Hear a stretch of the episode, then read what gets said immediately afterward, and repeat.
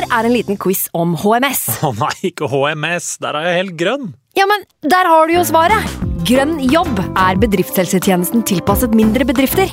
Våre HMS-eksperter hjelper mer enn 8000 bedrifter over hele Norge med alt fra lovpålagte HMS-krav til pålegg fra Arbeidstilsynet. Få på plass bedriftshelsetjeneste på grønnjobb.no.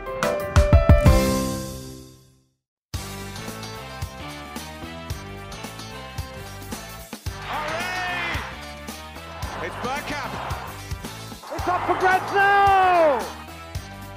The next station is Arsenal. Hei og velkommen skal det være til en splitter ny episode med Arsenal Station med Magnus Johansen og meg, Simen Goffeng. Mikkel Artetas seierstog dundrer på videre. Ti strake, kamp, strake kamper uten tap. Åtte av dem i Premier League, hvor vi er formlag nummer én. Vi skal selvfølgelig prate masse om Watford-kampen. Vi skal smugtitte inn i januars overgangsvindu, og vi skal selvsagt innom X-spillerspalten. Men aller først, Magnus, jeg er litt bekymra for helsa di etter dette. her. Hvordan har du det? Det er ryddig her, Simen. Veldig Ja, ryddig og fint i kjellerstua. Rydda hele ettermiddagen, det nå. I hvert fall Det ble siste, siste delen av den kampen her. Ja, altså på de siste ti minutta der så, så rydda jeg mye. Det var noen ølbokser som sto her fra forrige uke, og litt eh, sjokoladepapir og litt diverse som fikk eh, komme seg på rett plass eh, og resirkulert og på vei til dynga as we speak. For det Jeg måtte rydde litt. Jeg ble urolig, rett og slett. Kjente at harehjertet var det på plass igjen. Så ah, Men det, når det går bra, så er, er det verdt det. var, til og med ryddig når det er ferdig, så er det kjempefint. Det er en god søndagskveld. Da sitter vi her og har brede smil. Og det er ryddig. Så bedre kan det egentlig ikke bli. Nei, det var jo Jeg var kanskje litt vel optimistisk i forkant av det oppgjøret her, jeg. Som jeg ofte er. Tenkte at eh, nå, nå kommer virkelig ketsjup-matchen og få på hat trick igjen og gjøre noe litt skikkelig da, med den målforskjellen vår, som jo for så vidt nå for første gang i sesongen her ikke er i minus.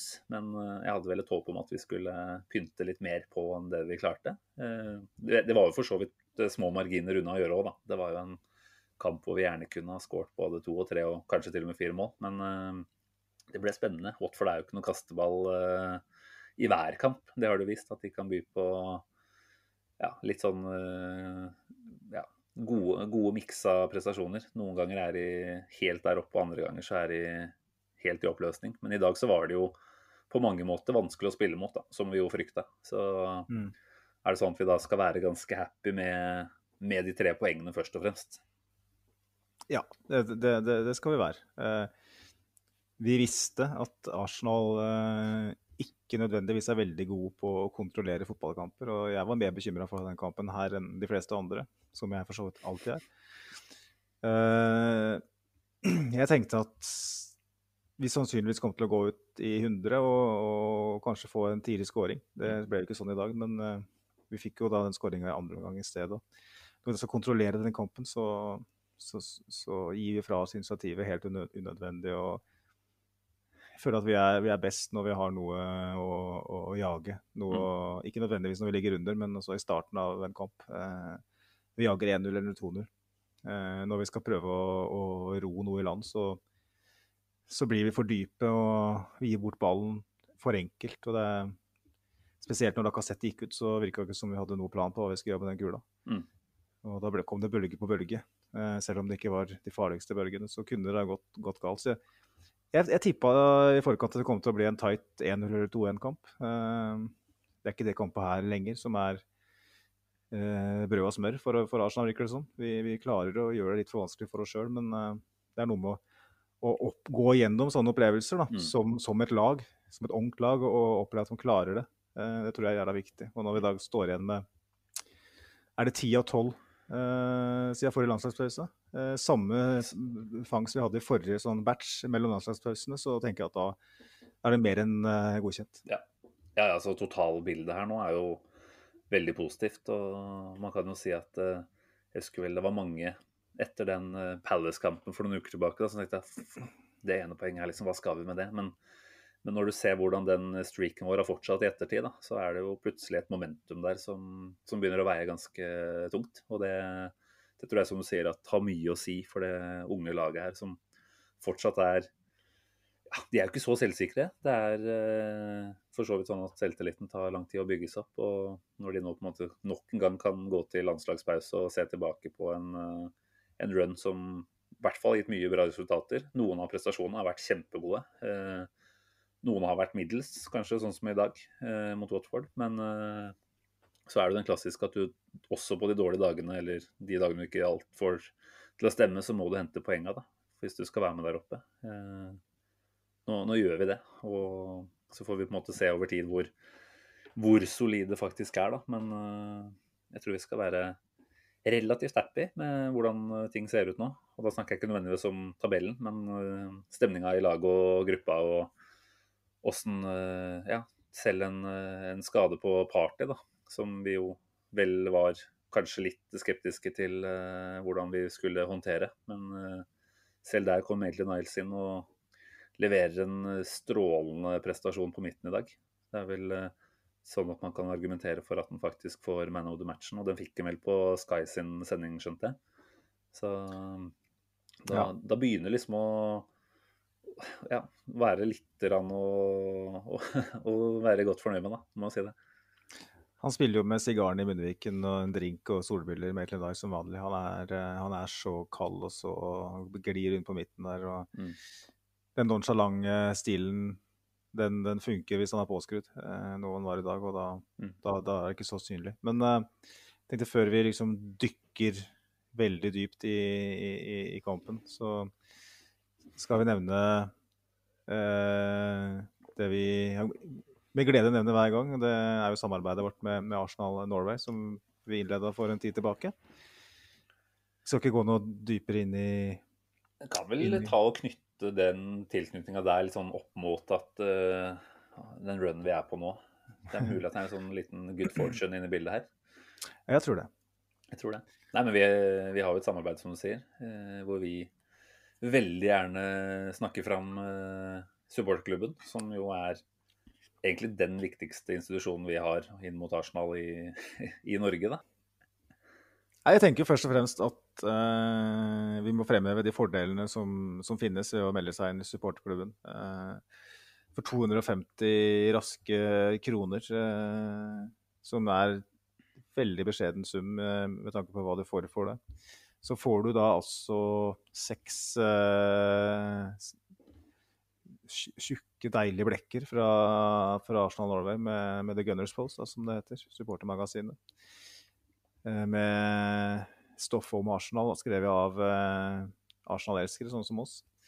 Du får eh, muligheten til å søke på billetter til alle hjemmekamper. og stort sett alltid så får man billett hvis man søker. Mm. Er noen unntak selvfølgelig på de aller største kampene, kanskje, men, men, til og med der så har man gjerne en sjanse. du får muligheten til å delta i arrangement i regi av supporterklubben, type cupfinalefester, type preseason-møter, alt mulig sånn, hvor, hvor man møter ildsjeler og likesinnede som man eh, gjerne beholder kontakten med eh, ja, mange år, noen, noen tilfeller livet ut. Mm. Så man får så mye igjen da, for den lille summen at uh, Så er det noe med at vi må holde Tottenham bak oss, både på Premier League-tabellen og i, med tanke på supporterklubbtall her i Norge. For de er vel ikke sånn fryktelig langt bak, skjønte jeg. Så, så det er jo noe med at uh, Kjenn deres plikt, folkens. Absolutt. Jeg uh, må bare legge til her at det kommer jo også med dette supporterbladet mange fine plakater uh, i hver eneste utgave. Nå var det vel sånn deilig gruppebilde av Smith-Roe, Aubameyang og Lacassette eller noe sånt. Saka kanskje der. Det er sånn rett opp på veggen på, på soverommet. Dattera mi er jo Jeg er 30 år, men jeg får fortsatt ja. Eh, plakater på, på, veggen, altså. Du gjør det, ja? Ja, ja. ja for det, jeg, jeg, har jo sitter jo i kjellerstua mi her, og der, her har jeg jo eh, blitt så snobbete at jeg ikke skal ha plakater. Jeg skal helst ha lerret. Eller eh, sånn canvas-greier og sånt. Uh, autografer og Men dattera mi hun er jo bare fem år. Og abonnerer ikke på uh, fotballblader, for å si det på den måten. Jeg er ikke veldig interessert heller. Men jeg henger liksom opp de der plakatene fra The Gunners Post, da, og stadig vekk så sier jeg Hva heter han spilleren der, pappa? Og gjennom der så får du på en måte fora sånn forsiktig på, bit for bit. Så plutselig så bare våkner du en dag, så er Arsenal-supporter og skjønner ikke helt hvorfor. Ja, en liten hjernevasking er helt innafor der. Det er eh, jeg mener, jeg mener det at jeg, jeg gjør deg en tjeneste der, så Derfor så kommer jeg til å fortsette med det. Eh, Jeg kommer til å fortsette å betale 250 kroner i måneden nå for å få de plakatene. Ja, ja det er eh, helt klart verdt. Og så er det jo som du sier, altså disse turene nå, nå vet vi jo fortsatt ikke hvordan det blir utover høsten her, men vi vet jo at det er mange som skal over eh, fra Arsenal-miljøet i desember. Så lenge ikke England blir enda rødere enn det det er i disse dager og restriksjonene kommer tilbake igjen. Men eh, det er helt åpenbart at eh, det er jo en skare der da, hvor mange sannsynligvis også har blitt kjent gjennom supportermedlemskap i, i supporterklubben. Mm, Og det definitivt. mye, mye å kose seg med der. Men la oss uh, atter en gang snakke om den matchen vi har eh, sett i dag, Simen. Uh, før, vi, før vi igjen, En ting til som jeg, før jeg glemmer det. Happy Invincibles Day, forresten. Yes. Likeså. Den kom tidlig i år. Den kom tidlig. Det, jeg hadde ikke rekke å bestille marsipankake engang. Jeg regna på en måte med at det, det skjer ikke enda. Uh, så det spørs om det blir en bit i morgen. Det er liksom en sånn ting som vi Det å være regjerende et eller annet, regjerende seriemester, regjerende europamester, hva det måtte være, noe sånt stort. Så det er den ene halmstrået vi har igjen. Da. Det er av gull, vel å merke, som vi liksom, som kan eh, hevde oss litt grann med eh, og gripe tak i. Eh, Mm. Så det, det er litt deilig eneste, hvert eneste år. Det, altså. Eh, kom nesten litt for tidlig i år, på en måte. For det er en, jeg husker når Liverpool tapte mot Watford for et par år tilbake, når de Ja. var ute i mars eller noe sånt. Da var jeg jo helt fullstendig maniac på stua her og dansa og kjørte noen ville moves. For det var liksom var det man hadde å glede seg over, da. For det Arsenal på det tidspunktet var vel ferdigspilt på mange måter. Det stemmer nok, ja. Nei, altså, og det er jo ikke hva som helst man kan eh, vise til der, da. Så jeg syns at uh, det å være den ene klubben som fortsatt har, uh, har den uh, fjern i hatten, det, det er gøy. Nå var det vel i hvert fall én Han var vel kanskje ikke så veldig Kanu var jo med i dag eh, på, på, um, på Fra tribuneplass. tribunen. Mm. Så jeg vet ikke om det var noe han eh, Nei, nå var jo selvfølgelig den Liverpool-kampen etter vår, så det var jo ikke noe han kunne, kunne bejuble eh, derfra, for så vidt. Nei, det var flere av dem der. Du var jo sikkert der. og eh, Så kan det hende at de sitter i losjen nå og patter på en brun en. Jeg tror de koser seg med dette her, tror du ikke det? Det er, eh, det er noe de på en måte er eh, litt sånn ekstra dødeliggjort av. da. Så, Mm. Og som du var inne på før, eh, før sendinga, det blir alltid en sånn diskusjon på hvilke spillere fra eventuelt nåværende invincible utfordrer er det som kunne gått inn og ødelagt eller tatt plassen til disse spillerne her. Da slipper vi heldigvis den tullete diskusjonen i år. Ja, det er på en måte en av de der eh, spøkelsene putta tilbake i, i skapet, sånn at man kan fortsette. Eh, apropos det, eh, nå snakker vi oss veldig bort eh, i fortida. Det, det trenger vi ikke i like stor grad lenger nå, Simen, for at nå, nå vinner vi fotballkamper hver uke, så nå, nå trenger vi ikke være så nostalgiske hele tida. Nå eh, ble det en 1-0 her i dag, og vi har snakka litt om det allerede. Eh, lagoppstillingen den inneholdt jo da ti av de man forventa, men det var én én spiller som var ute, og det var jo Thomas eh, Partey. Eh, Hva tenker du om at han nå igjen er skada? åpenbart at det er bekymringsfullt. Da. Så er det jo et spørsmål hvor skada er han, eller om dette var eh, litt sånn føre var-holdning. Eh, det var vel skrevet at han hadde en tight growing, altså ikke en eh, sånn sett eh, skadd hamstring, men at det var en eh, Lyske? lyske, selvfølgelig. selvfølgelig. Eh, Jeg tenker jo at eh, det ryktet vi trodde han kom med, som en eh, skikkelig solid, eh, ikke skadet midtbanespiller, har jo fått seg noen skudd for baugen etter hvert. Selv om det selvfølgelig har vært forskjellige typer skader. Så, så er det jo sånn at vi må begynne å være litt, eh, litt skeptiske til hvor mye han tåler. Om det er engelsk fotball eller hva det er. Eh, Husker Petter Wæland når vi signerte han, var jo tydelig på at dette var en kar uten de store skadeproblemene og uten en historikk. Eh, Med tanke på at Arsenal egentlig har fått ganske god kontroll på, på skadebiten de senere årene, så kan på en måte ikke legge det på det som gjøres i klubben heller, vil jeg tro. Eh, Omstillinga fra La Liga til Premier League, den, den burde jo på en måte være litt gjennomført nå, da, med tanke på at den har vært der i en, ja, godt og vel et år i hvert fall. Så selvfølgelig var man uh, litt nedfor når den nyheten der kom. Uh, det må man være ærlig å si.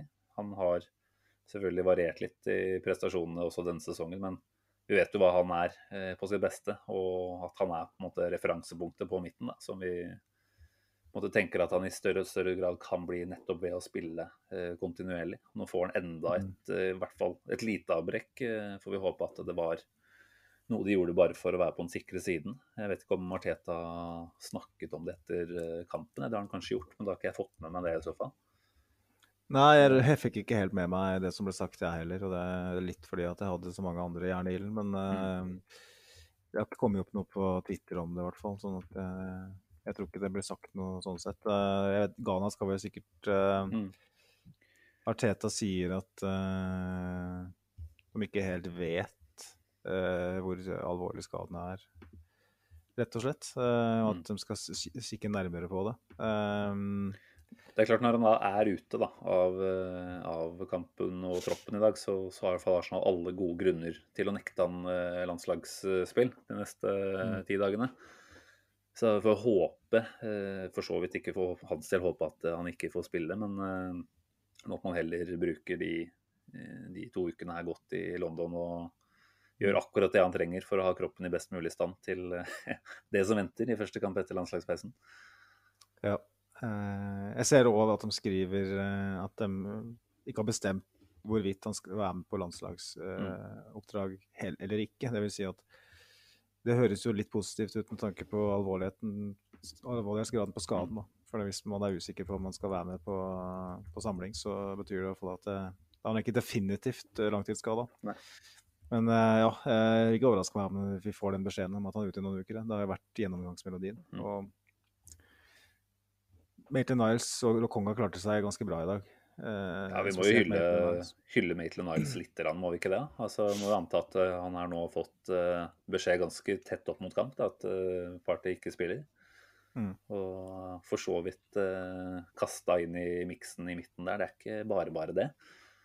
Han leverer jo med bravur i dag. Du nevnte antall uh, taklinger eller gjenvinninger han hadde, eh, som på en måte vitner om at han er skikkelig påskrudd. Det var vel fem av fem han hadde i kampen i dag.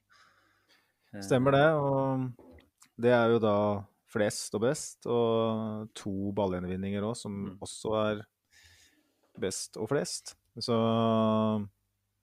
han vinner jo noen statistikker på midten der som gjør at Lokonga kan være litt mer litt mer kreativ. Eh, Lokonga spiller jo da, spilte da ute til høyre i dag, har jo van, spilt sammen med Tavares og sånt på venstresida, så det er en litt uvant rolle for han også. Så jeg syns de løste det veldig godt. Lokonga fikk jo et veldig tidlig gult kort, eh, som gjorde at han kanskje òg trengte at Maitland Niles tok den jobben i litt større grad. Det var en kamp hvor det var litt mye fram og tilbake og mye om, Det var veldig sånn omstillingsfaser på midtbanen, i midtbanen der flere ganger. og Med et gult her så kunne man fort ha røket. Og Maitland Nice tar opp hansken der og gjør en jævla god match, syns jeg. Altså, Mm. til og med en del gode avleveringer, syns jeg. Det virker som han har tatt noen steg der. Han spilte jo jævlig bra mot Leeds òg, i ligacupen. Han var jo man of the match da òg. Mm. Det er jo to siste kampene han starta for Arsenal. Han har vært man of the match da, på midten. Det er jo noe å ta med seg. Ja, definitivt. Altså, vi, vi har jo på en måte aldri vært i tvil om de kvalitetene han besitter. Da. Så er det vel det mellom øra som man alltid har lurt litt på, eh, om han er nok eh, konsentrert og påskrudd i kamp. Da. Eh, kan jo virke som han har hatt en ganske ærlig samtale mellom han og Arteta i sommer, hvor han nok en gang på en måte blir Jeg vet ikke hva man skal si nekta overgang, men eh, men det virka som han var ganske klar, eh, som vi husker. Han meldte vel både på Snapchat eller Instagram at eh, han bare vil spille fotball, eh, og det kan vi jo forstå. Men at han da faktisk hadde en eh, liten sånn eh, OK, nå må vi stikke fingeren i jorda her. Hvor er du? Arteta vet vi jo er ærlig med spillerne sine og tydelig på hva Mm. han forventer. Og kan vel anta at uh, Maitland Niles har vært ekstremt fokusert. da, Og så kanskje ikke har fått så mange muligheter som han selv skulle ønske, men han har jo vist at han er i hvert fall foran Elneni i køen. Det var vi jo kanskje ikke helt sikre på før sesongstart. Nå er det liksom ikke noe tvil om hva som er eh, rekkefølgen på de to, i hvert fall. Og med relativt solide prestasjoner eh, nå de siste ukene, så så gjør også det kanskje at man tenker eh, mer i retning av at eh, det er en slags løsning når Partei blir borte i halvannen måned i desember, januar, februar.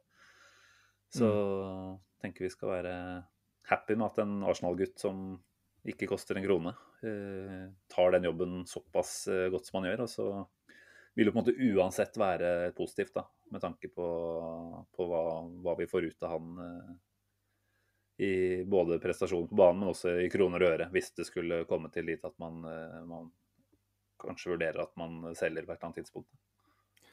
Ja, og eh, jeg tenker jo at Maitland Niles han, han er åpenbart en spiller vi har bruk for eh, den sesongen her. Og som du sier, det der med å kjøre en lengre generalprøve nå fram mot januar med, med han og Konga, det, det kan være veldig veldig nyttig. og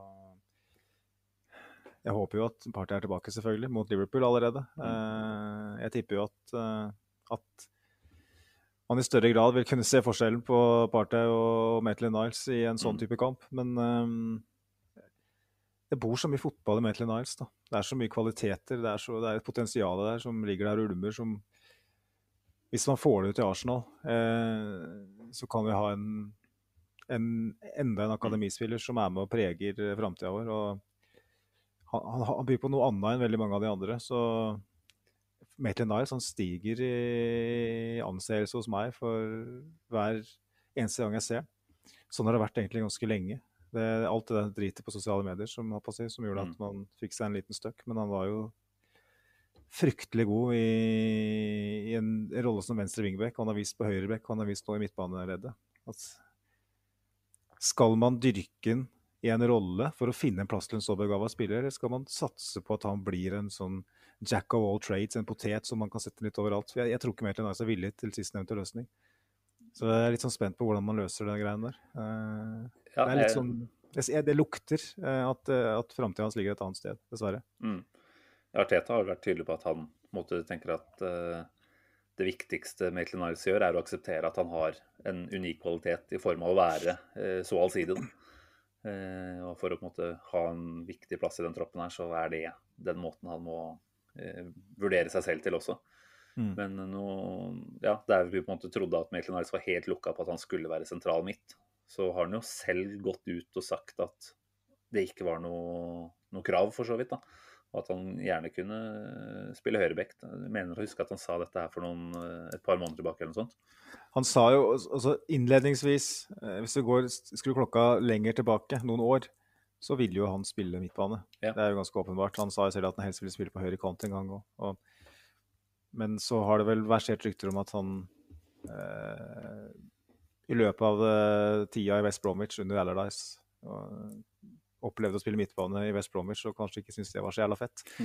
At han kanskje skjønte at vet du hva, hvis jeg kommer tilbake til Arsenal og Arteta sier at du skal få en mulighet på høyrebekk, så griper jeg den muligheten. Og det, det tror jeg gjerne på, men det virka som om Arteta kanskje har bestemt seg på et tidspunkt for at nei, nå har han fått sin sjanse. Men så ville tilfeldighetene dit hen til at, eh, at Maitland Niles er en del av troppen. og er det én ting jeg er jævlig glad for å se, er at Arteta er villig til å gi en ny sjanse. For at vi, vi begynte liksom å begynte å danne seg et bilde av Arteta som en litt sånn sta type som eh, kanskje kasta spillerne litt under bussen. Kanskje ikke eksternt, men internt. At eh, Jo, er du ferdig, så er du ferdig, da. Mm. Det er liksom ikke noe, du får ikke noen flere sjanser her, men eh, Og noen eksempler er du på det, eh, kan man jo også si. Eh, Men, men da tenker jeg igjen det handler nok også hva responsen har vært da, på treningsfeltet i det daglige. Og den må vi da anta at har vært god fra Maitland Niles side.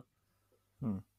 Når de i tillegg backer opp med prestasjoner som mot Watford, da, da har man plutselig bevist mye av det Arteta ønsker. Da. Og så får vi jo Mm. se om han er konsistent. Og får han kanskje ikke muligheten til å være det heller. fordi en topp Arsenal-elvers så er vel ikke Maitland Niles uh, i utgangspunktet der. Men, uh, men han gir fleksibilitet i forhold til eh, de ulike midtbanerollene han kan spille også. Da. Så, så det er en, en bra variant å ha. altså. Og igjen, som du sier, det er en eh, Arsenal-gutt. Og da, det er jo ikke noe morsommere at de faktisk lykkes her, enn at vi ser de må et annet sted i Premier League og, og kanskje får ut potensial der, da. Men vi må snakke mer om kamp. Uh, Syns vi skal eh, ta et par ord om eh, både straffesituasjonen og selve straffa, som vi da får i første omgang. Uh, Lacassette som skaffer den. blir jo overfalt, egentlig, av Danny Rose, som helt på merkverdig vis eh, slipper unna kort i det hele tatt. Kunne jo hatt kort også før eh, den forseelsen der, og så kjører han jo på en måte armen inn og rundt nakken omtrent da, på Lacassette. Mm. Det er helt innafor, bortsett fra at det er straffe, selvfølgelig. Men eh, at ikke det er noe sånn Kanskje ikke serious foul play og sånn sett et rødt kort, men at de ikke i hvert fall får et gult for det, det, det skjønner jeg ingenting av. Men vi trenger ikke å bruke for mye tid på å sutre over det. Men eh, da er det vel også sånn at når Laka får straffa, så, så tar han den ikke selv. Han hadde kanskje ikke gjort det selv om det var en annen som hadde fått den heller. Men eh, når vi står utpå her med Lacassette og Aubameyang, så er det vel egentlig ikke noe tvil om hvem vi bør ha som uh, straffeeksekutør. Nei, fikk vi ikke et innspill om eh, nettopp det òg, fra en lytter, Simen? Ehm, skal vi se her. Så vi spiller eh, De som spiller hos Gode, må få mulighet til å være med og bidra her. Det er vel Hedley B1 på Twitter som skriver at Øyba må av straffer, spesielt med Lacassette og Maitland Nights på banen. Mm. Um, Lord Maitland Niles har jo tatt to straffer som jeg har sett i straffesparkkonkurranse. Han er jo selvfølgelig igjen da med den sigaren i munnviken. Det er jo helt ekstremt hvor Ja, det er for kult på straffer. Jeg blir stressa av å se det, egentlig. Men eh, det går jo bra da. Eller har gått bra til nå. Men eh, jeg føler jo i hvert fall at PP og Lacassette Mm. begge er bedre enn Abba på, på straffer. Jeg stoler ikke på Abba i det hele tatt eh, på, fra 11-meteren. Og nå tenker jeg at nå har han bomma to på rad. Mm. Eh, nå er det på tide at noen andre får, får sjansen, rett og slett. Mm. Eh, Det, det var vel også noen som sa det, som hadde stått på jeg husker ikke om det var Gunner-blogg eller noe sånt, ja, i en Arscast, som meldte at uh, man hadde muligens uh, sett at uh, i den Villa-kampen så ønsket Aubameyang å gi straffa til uh, Lacassette. Men at da også var det jo Lacassette som fikk straffa. Og da er det vel en sånn greie i mange spissers hode at eh, man skal ikke ta den selv. da, At det bringer litt uh, ulykke. Men uh, det kan jo også tyde på at uh, Aubameyang ser ser dette her selv òg. Så er det jo stort sett sånn at det er han som er på banen, og kanskje ikke Lacassette, kanskje ikke PP. Så, og som toppspiss og den som skal være toppskåreren vår, så, så er det jo for så vidt riktig at han prøver seg der. Men eh, nå har han bomma på 4 av 13 i Premier League eh, for Arsenal. mm. Lacassette har skåret på alt av straffer i Arsenal. Jeg vet ikke hvor mange det er, men jeg tror vel ikke han har missa en eneste gang. Nei, det tror jeg ikke. Så, så det er ikke noen tvil om at på 0-0, da, når du ja, kampen for så vidt ligger og vipper litt, du veit du trenger det forløsende målet der, så, så oser det jo ikke selvtillit av det Aubameyang holder på med. Eh, igjen så er en eh, Det var jo ikke en slapp straffe, men dårlig plassert, da, åpenbart. Eh, ser jo for så vidt heller ikke på keeper, har inntrykk av. Han klinker til og håper på det beste, føler jeg. Og det, det blir for dårlig, rett og slett. Og han er jo ofte ganske forutsigbar, og vi veit at han pleier å sette den ned til høyre for keeper. Det er veldig mange som går dit, og de, de fleste av de har vel blitt redda. Eh, I dag satt den vel egentlig nesten midt på. Eh, Ja, litt ja. til høyre var den, men det var nesten midt på. Og håpa at man skulle gå over keeper, tipper. Og det, ja, det er en skummel taktikk eh, Mm. når du ikke har mer kraft enn du hadde, i skuddet. Og, ja, han, han bør kanskje off duty nå. Og, Men det, det er jo ikke tilfeldig at det er Lacassette som skaffer de straffesparkene. Han har blitt litt sånn, sånn flyvefisk i Mario, liksom. Det er sånn Du prøver å gjøre jobben din i straffefeltet der, så kommer det en sånn fyr bare flyvende. Et sånt litt sånn sleipt flir. Han har jo, spiller jo med hele følelsesregisteret u- utenpå. Og hvis du er borti den, så kaster han seg og skriker og Det er vel ingen som har eh, blitt målt høyere på desibel enn Lacassette på Emirates de siste par åra. Eh, både positivt og negativt forstand. Eh, han, han har jo blitt en skikkelig sånn emo-spiller, på godt og vondt. Og dæven, og han kjemper inn i feltet der også. Det er ikke tilfeldig at det er han som blir tatt. Og da er jo spørsmålet, som du sier, da, skal man ta straffespark når man sjøl blir tatt? Det er en uskreven regel. Og spesielt om man da får seg en, får seg en i planeten der. Mm. Eh, så kan man forstå det. Men eh, når han ikke tar den, så tenker jeg at det er ikke så mange alternativer. Da. Men ja. Det det veit vi jo ikke noe om. Plutselig så kan Bay White være god på straffer. Det får vel sannsynligvis ikke vite så mye om heller. Men eh, jeg tenker at er vi i en situasjon eh, hvor både Lacassette og Aubameyang er på banen nå, eh, ingen av de har blitt felt selv, da tror jeg den går til Lacassette. Og det tror jeg Aubameyang på en måte er den første til å si selv også. Så vi får satse på at det legges noen Det er jo for så vidt eh, fascinerende at ikke det, det går an å få til litt mer eh, variasjon i disse straffene. Og det er jo en ganske selvsagt og enkel ting å terpe litt på også, og bli tryggere på. Så en som er så i utgangspunktet klinisk som Aubameyang er, da, og definitivt bør kunne treffe ballen rent og putte den akkurat der han vil, fra 11 meter, eh, tenker jeg at da, det handler om det mentale der. og det kan du for så vidt eh, til en viss grad ha kontroll over hvis du bare repeterer mange nok ganger. da. Så Ja. Vet ikke hvor mye innsats som legges ned på akkurat det. Men det er jo i utgangspunktet gratis mål, og det fikk vi ikke her. Da måtte vi vente enda litt. Eh, Vi hadde for så vidt fått en scoring før det, da, med Saka, men det var jo en åpenbar offside, så det var for så vidt ikke så mye å prate om. Så vi måtte jo vente til andre omgang da, før den eh, forløsende goalen kom.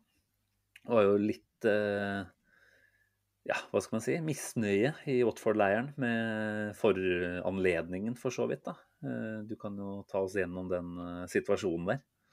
Det var jo et, et mål som eh, Altså spesielt med tanke på eh, skåringa som ble annullert i første omgang, og eh, ja eh, Etter hvert den som ble annullert etterpå, men den, den var jo ikke med i beregningen da, for så vidt. Men det føltes som en kamp der vi ikke skulle lykkes, egentlig. Det er litt sånn klassisk når, når du får litt stang ut og det bare ikke vil seg. Og, Du sendte jo melding i pausa. Dette føles som en sånn dag. Ja, det, det, det, det gjorde det. Uh, igjen, det brente barnet eh, er her. Hei, hei. Og, men det som skjedde helt i, fork i forkant av målet, var jo at uh, Danny Rose spiller ballen ut uh, av banen. eh, fordi at han Tufan står på midtbana, rundt midtbana og holder seg til ryggen på huk, er det vel. Mm. Og så med en gang Rose spiller ballen ut, så reiser han seg opp og begynner å småjogge igjen.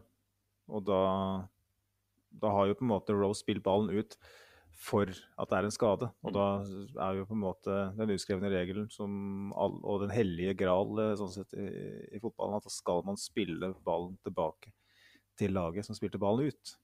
Eh, vi har jo selv vært eh, på the receiving end, som man sier på det, i 2006, når eh, Tottenham skåra mot oss på Ivory, for de som husker det. Og da var det jo et eh, vanvittig hylekor ute. Jeg var sto i bresjen for det hylekoret, for så vidt. Ja, det er Eh, nettopp Men Watford, føler, på- Watford, føler seg, Watford føler seg definitivt snytt, fordi at Arsenal fortsetter å spille, og og det fører, det fører til en scoring. og Jeg forstår, jeg forstår at, eh, at de føler seg snytt. Mm. Samtidig så tenker jeg at eh, når Watford da er under massivt press, så setter Tufan seg ned på midten, og så spiller Rose ballen ut, så er det sånn pustepause for Watford. Mm. Eh, kanskje var det det Arsenal-spillere tenkte at vet du hva, eh, vi, vi så hva dere prøvde på her. Ja. Vi gønner på. Eh, vanskelig å si. Men Ja, jeg, jeg liker å tro at det er litt av det sistnevnte der. At man faktisk er litt sånn bevisst på at ok, dette her er kun for å drepe moment i kampen. Eh, noe som jo helt selvsagt var en del av Watford sin plan her. Og det var vel det var flere eksempler på at de, de brukte så god tid de kunne, da. Så det har vel kommet et par reaksjoner også på dette fra lytterne våre. Eh, Henrik eh, med masse tall etter hverandre på Twitter eh, skriver så stygt som Watford spilte, tenker jeg det er helt greit. Vi svarer med samme mynt. Jeg liker det. Så ikke noe imellom der. Mens Andreas fra Arctic Gunnerpod skriver at han nok hadde følt seg snytt for ikke å få frispark, men når spillet går videre, hadde hvem som helst spilt videre og utnyttet sjansen. Ja, da tenker jeg vel kanskje på den situasjonen som Moss står da imellom den situasjonen vi snakker om nå, og målet, når uh, Ja, Maitland Niles dundrer inn i Jeg husker ikke hvem det var, men det var en Watford-spiller i hvert fall. Og jeg må innrømme at jeg var dritnervøs eh, etter den skåringa. Jeg bare venta på at det skulle bli en var-situasjon der, og at det skulle bli annullert. Eh, Ja, det var for så vidt ikke noe Altså, det var jo en helt åpenbar situasjon som dommeren må ha sett, og som han valgte selv å ikke, ikke dømme på. Eh, For så vidt enig i at det godt kunne vært frispark, men det var vel noe med at når ballen falt i en Watford-spillers bein eh, i situasjonen etter, da, og han for så vidt spilt den bort, så Nei, det var jo i etterkant av det.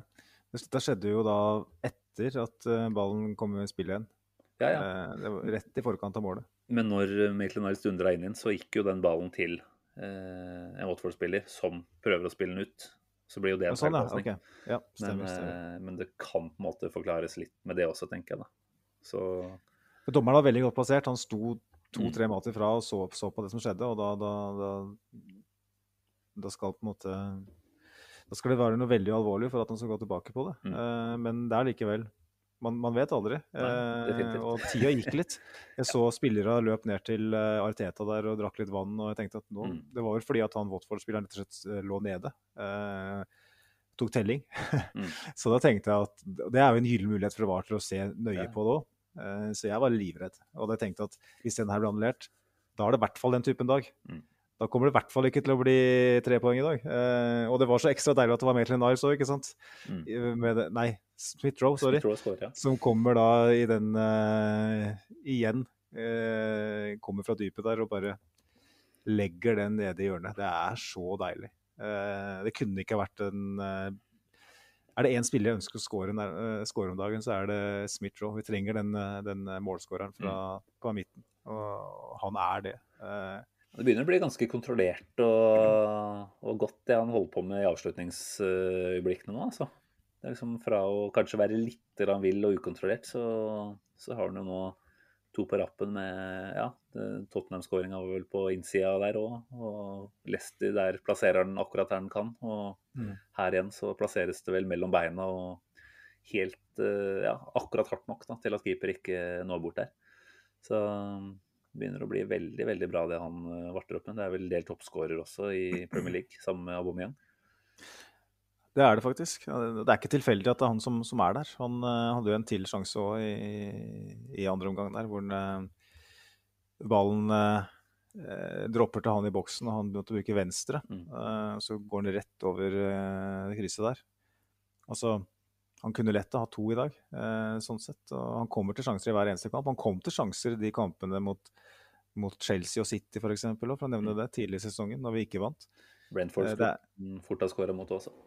Stemmer, ja. Så Mm. det er jo det er en spiller som kom og det, det har vi sett gjennom hele Arsenal-karrieren. Altså, det husker jeg tilbake til helt til han var sånn 18-19 og, og spilte Europaligaen under Emery. Så kom han jo til målsjansen og skåra mål. Eh, det er noe litt sånn som med Joe Willoch, at det er liksom Det er noe han har. Dette er ikke noe som han trenger å utvikle på første laget, dette er noe han har. Eh, som han kommer til å fortsette å gjøre. Jeg føler meg trygg på at han er en sånn i hvert fall sånn ti ligamål i sesongen-type minimum. Kanskje mer. Det er ikke noe døgnflue à la Willoch. Sånn derre tullerun hvor han scorer masse, og så er det helt uh, dødt etterpå. Jeg Nei, altså det. det, jeg tror fortsatt eh, at Joe Willoch kommer til å skåre mye mål i, i fotball, ja, da, men jeg er usikker på om det er i Premier League. Men eh, det er liksom noe med at han, han har det i seg. Eh, så til de grader, ikke sant. Det, der, eh, det med at man hele tida er der ballen, ballen er. Eh, at man lukter i situasjonen. Og, ja, det, det er neppe tilfeldig, Mm. rett og slett. Og nå nå hadde Smith-Joe en veldig anonym dag på jobben i dag. Eh, vi har hatt mange spillere som på en måte har alt utenom endeprodukt. Nå føler jeg at Smith-Joe er en spiller som gjerne kan ha en day off, eh, men allikevel har endeprodukt. Eh, han er i ferd med å bli en endeproduktmaskin. Liten Walcott. Eh, ja, men en Walcott som definitivt kan gjøre mye mer enn den, Ja, ja. den originale gjorde. Altså, I dag så har han vel færrest touch av samtlige av de som starta matchen for Arsenal, minus eh, Ramsdale og, og spissene. da. Mm. Eh, men han har 96% treff på pasninger. Eh, alt han gjør, oser klasse. Mm. Jeg etterlyste etterlyst, i pausa at, eh, at Arsenal kanskje, eller at Arteta kanskje kunne ha flytta Smith-Roe inn sentralt for å få, komme, nærmere Saka og Lacassette. For alt skjedde på høyresida. Angrepene gikk nesten konsekvent på høyresida, fordi at Saka var katalysatoren ofte. Eh, Mm. Lacassette eh, gikk jo mye ut på høyrevingen òg. Så ble Smith-Roe stående litt sånn isolert ute til venstre. Eh, Watford var helt åpenbart klare over trusselen, for de ga han veldig lite tid og rom. Eh, men hadde du flytta han inn sentralt eh, Jeg husker jo selvfølgelig West Bromwich-kampen i romjula i fjor. Var det ikke? Eller var det nytt, nytt, det, Det, det snødde i hvert fall godt. Så det var vel eh, omtrent ja, om det var seint i romjula eller tidlig på nyåret. Og da så du det der, den der linken som Saka Mm. og Laka og Smith-Roe kan, kan ha. da. Jeg føler at vi mm, kanskje da kunne ofra en spiss. Eh, Mm. Lacassette eh, var jo åpenbart en del av den dynamikken, da, men jeg tenker at uansett å få Smith-Roe nærmere Saka kunne ha vært løsningen. Og så setter de inn Ødegaard, selvfølgelig, på høyrekanten der. Og jeg syns jo med en gang han kom inn, så at, eh, at Danny Rose, da, som var så på dypt vann at eh, han knapt hadde nasaen over vannskåret på løpet av matchen. Eh, fikk litt mer å tenke på med en gang Ødegaard kom inn. Og det burde jo ha resultert i skåring. Ja, vi kan prate to ord om det også. Altså, Det han kommer inn og gjør der. Først litt sånn ah, Nå har hun på venstre. Kan du ikke bare fyre, da? Bare skyt, liksom. Men så drar han seg nedover mot uh, linja, og man tenker at her kommer et legg.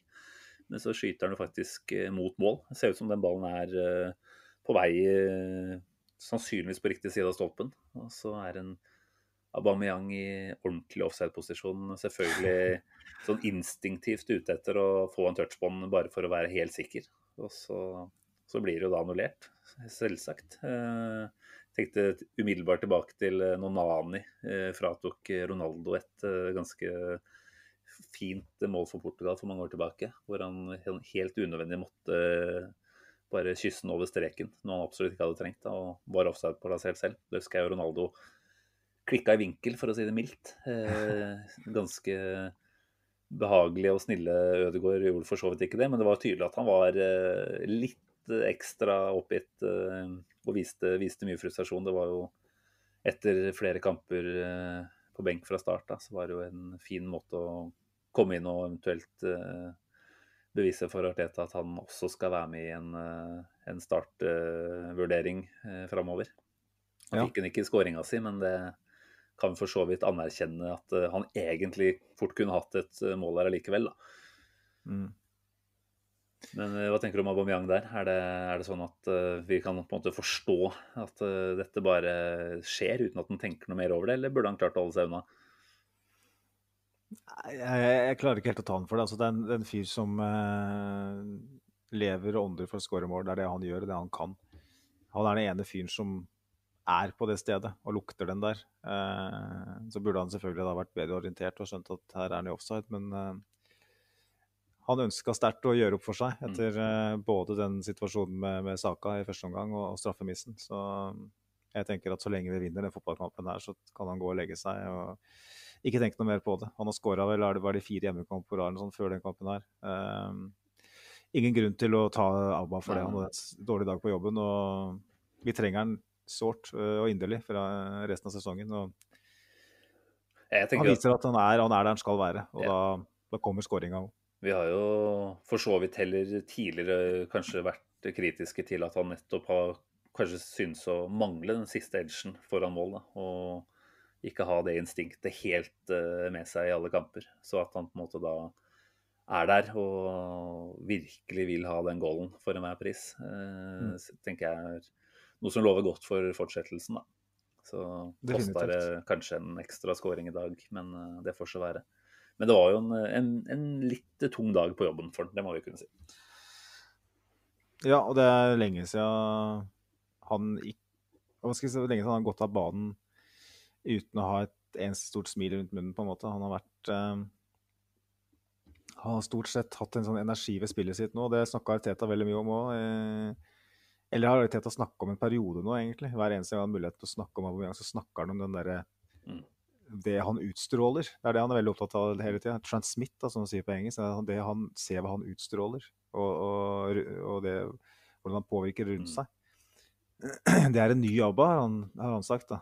Og så sier Aubameyang i et intervju at, eh, at det er etter en samtale med Arteta at han på en måte har tatt litt tak i den delen av spillet sitt. Mm. Og Det syns jeg er interessant. at en, en 31-åring, 32-åring rundt der, 31 er det kanskje nå, Han har vel bikka 32, tror jeg. han har, han har kanskje gjort det. Ja.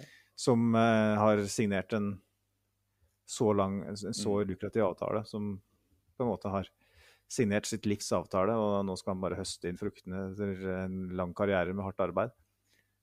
Og så er han villig til å Mm. gjøre det offeret for en rookie manager, da, som man har spekulert i om egentlig har et godt forhold til ABBA eller ikke. Mm. Eh, så jeg syns, det er veldig interessant da. Eh, at, man, at han er så villig til å brette opp armene for Arteta. Og jeg syns han viser det i dag. Ja. Altså, det er bare at I dag så ville det seg ikke for han. Og, jeg føler Det handler ikke om at han ikke har påskudd. Kanskje er, kanskje er han for påskudd, ikke sant? Mm, mm. Eh, kanskje en, en litt sånn mer eh, klassisk ABBA for et par år tilbake, som skåra i hver match og bare kunne løpe ut på der og ha det gøy. Hadde, hadde eh, vært litt kjøligere, hvem vet. Mm. Men eh, jeg syns bare det er godt å se at, eh, at det betyr mye for ham å spille for Arsenal. Jeg er helt enig. Jeg må det, jeg var vel en av de som eh, var litt sånn skeptisk i form av at vi så noen av de samme tegnene som vi gjorde etter at en viss annen fikk denne kjempekontrakten for noen år tilbake. Og det er lett å dra de parallellene, men det er, det er på en måte ja, litt, litt, latskap å gjøre det også, da. Eh, og her har vi jo helt åpenbart med en fyr som er villig til å, å legge ned arbeidet, både for manageren sin og også for klubben, hva han er kaptein for. Og det, det tenker jeg det skal vi være kjempehappy for. Og så det er godt poeng det du sier der om at han kanskje er litt for på. Det litt, kan bli litt for knytt når du har så inderlig lyst. Da. Så mm. klart, eh, akkurat i dag så gikk det feil, eh, feil, vei, men jeg tror han kommer til å skåre jevnt og trutt eh, framover nå. Altså. Kanskje det blir hardt bort mot Liverpool, men selv der bør det være noen muligheter med det litt porøse forsvarsspillet de til tider viser. De slapp inn tre på rappen her nå mot Westham tidligere i kveld, så. Mm. Ja, da kommer reaksjonen, og neste er neste, neste runde. Er det ikke det man ja, det rekker, sånn der, heldigvis å, rekker heldigvis å glemme hvordan, hvor vondt det var å tape mot Westham. Og så er de for så vidt Alle de brassene deres er vel ikke tilbake fra, fra Sør-Amerika før natta før Arsenal-kamp eller noe sånt. Så da får vi håpe på at det er, det er litt å komme med der for vår del. Eh, vi må jo innom én situasjon til fra kampen mot Watford før vi kan gå videre. Og da tenker jeg jo selvfølgelig på Ramsdale-utrustninga, må vi vel eh, kunne karakterisere det som. Jeg sa vel forrige pod eh, at jeg venter på på at her kommer eh, en liksom brøler nå snart, da, som, som, på en måte vil kunne potensielt være med å ja, forme hvordan han reagerer videre. Nå tabba han seg jo virkelig ut i dag, men han slapp unna. King vil jeg si, var, eh, var, svak som ikke fikk den på mål, selv om det nærma seg en, eh, en, ganske spiss vinkel der. Så, så, burde jo absolutt eh, vi blitt straffa der. 85 minutter og tabbe seg ut på den måten her er jo noe som virkelig kunne gjort, gjort den romansen uh, mellom Arsenal og Ramsdale uh, litt grann kjøligere for en periode, selv om jeg tror han ville klart å bevare det gode forholdet til fansen uansett. Han har mye plusspoeng i banken. Men nå, nå kom han jo faktisk ut der med livet i behold. Da. Eh, han tabba seg ut, og vi overlevde det. Eh, eh, jeg tenker Vi må bare akseptere at han som den keepertypen han er, offensiv i huet, vil gå på noen sånne brølere. Nevnte vi at Kanu var på tribunen i dag? Det gjorde vi. Eh, ja, det nevnte vi. Han uh, skåra mot Chelsea i var det 99 eller noe sånt, eh, et hat trick. Eh, hvor tredje skåringa var eh, en Chelsea-keeper som vel rusa ut utenfor, rundt akkurat samme sted. Og Kanu sin vinkel var enda spissere. Eh, eller blir det riktig å si? Eh, og han bare legger den opp i krysset i tillegg. Eh, og mm. setter inn det tredje. Eh, det var i det hele tatt rart at Kanu var der i dag, for han var jo med i den situasjonen mot Sheffield United i eh, rundt ja. samme tid. Apropos hvor, spille ut ballen og ikke spille den tilbake igjen. Det virka som Kanus tilstedeværelse gjorde at, eh, at ting eh, Nesten en sånn spøkelsesgreie. Eh, ingen som vet hvor gammel Kanu er, så Evnen vi har til å absolutt skulle se ting i sammenheng òg, kanskje litt med det å gjøre. Ja, for, så det, det var jo veldig sært at det skulle skje akkurat i dag. Mm. Um, nå tenkte jeg først og fremst på den der Danny Rose-situasjonen også. Uh, den King-situasjonen, den, den, ser vi jo of relativt ofte. Men uh, ja, eh, jeg tror Ramsdale er typen som, eh, typen som eh, tror jeg, da, ville ha takla det ganske greit. Men igjen, det vet vi ikke. Nei. Han kunne jo definitivt fått et sånt ordentlig YouTube-øyeblikk her for andre gang på to runder. da. Altså Fra det helt strålende, som sikkert har gått på repeat hos mange de siste dagene, mot Leicester, til å nå virkelig kunne ha fått en annen variant i fanget. Men nei, nå slipper han på en måte unna. Jeg tror igjen, han også som en ung spiller må på en måte gå på visse blemmer. Det må vi bare akseptere, og vi vet at de kommer. Men da er det jo veldig gledelig når vi faktisk ikke blir straffa for det. Så mm. jeg skulle liksom karakterisere dette som en middelsdag, men egentlig så har vi fått med oss mye bra læring eh, i den kampen her, og allikevel eh, dra med seg tre poeng. Så kanskje det er en kjempegod dag, rett og slett, for, en, eh, for et ungt Arsenal-lag som vi bare må akseptere at har har eh, opp- og nedturer, og at vi da faktisk setter setter igjen eh, med alle poenga og er helt opp i miksen der, eh, faktisk. Det, det er jo der vi ønsker å være, og det er mye å som vi sier, bygge videre på etter landslagspausa her. Mm, definitivt. Um, før vi går endelig videre, så har vi kanskje fått noen spørsmål i dag eller, fra lytterne. I hvert fall ett som jeg så, fra Famara Sonko, som kom et, eh, sendte inn et spørsmål som gjør meg glad. Uh, selv om jeg er ganske jeg er ganske tydelig på hva jeg kommer til å svare på det, men jeg skal la deg svare, som er optimist. Nå har Arsenal bevist at de er bedre, mye bedre enn de lagene som er under topp ti. Neste kamp er mot Liverpool. Jeg vet ikke om jeg tør å tenke tanken om vi slår dem, men om det skulle skje, kan man snakke om gull? Gull? Ja, Nei, det, det det syns jeg var uh, å ta i. Det må jeg si. altså igjen, jeg, jeg vil jo si at uh, han har rett når han sier at vi er bedre enn uh, de dårligste ti laga. Det, det, er jeg helt enig i. Men det er ganske mye å jobbe med i det laget her fortsatt òg. Og selv om vi nå har en bra, bra run, og om det faktisk også, også skulle toppes med et resultat mot Liverpool, så, så vil jeg si at det er en del mangler i det laget fortsatt. Da. Særlig offensivt. til at jeg tror ikke vi, vi plukker i nærheten av nok til å utfordre for så vidt også Liverpool. Jeg tenker at uh, greit det gikk på en blemme i dag. Uh, hvis vi skulle Jeg tør heller ikke å tenke tanken på at vi skal slå dem. Men hvis vi skulle gjøre det, så er det fortsatt uh, et kvalitetslag der som jeg tror vil ta flere poeng enn oss resten av sesongen. Og vi har åpenbart Chelsea og City der som også er Må bare innrømme at de er et takk bedre enn oss, om ikke flere, per nå. Så gull, det, det, kommer du ikke til å høre at jeg, jeg, tror vi får. Så hvis det var det du ønska, Magnus, at jeg skulle være så optimistisk at jeg meldte det, da, da blir du skuffa. Det var, det, var, det var, i så fall deg som skulle gjort det. Uh, personlig så er jeg enig med deg der. Jeg har sett uh, såpass mye av uh, si alle de fire lagene her, da, hvis vi skal ta med oss i den sånn ekvasjon, så, som tilsier at jeg, jeg er ganske realist i så henseende. Jeg er ganske jeg er villig til å sette ganske mye verdier på at uh, Jeg vil ikke gjøre som uh, Harry Kane og sette dattera mi sitt liv på det. Men, uh, for sånn gjør man jo ikke. Det er jo bare Tottenham-spillere som gjør Men jeg ville nok satt hus og bil og det aller meste på det. Mm. det er rett og slett et gap i kvalitet her. Um, jeg så Chelsea har uavgjort mot Burnley hjemme i går, og det er jo et sjokkresultat på sett og vis. Men uh, det, er ikke en, det ikke en kamp som ender 1-1 i så veldig mange andre Det er kanskje én av 20 mm. som ender 1-1 der, ikke sant. Og the law of averages tilsier at noen ganger så skjer det, men de tre lagene der er et hestehode foran alle andre. Kanskje to.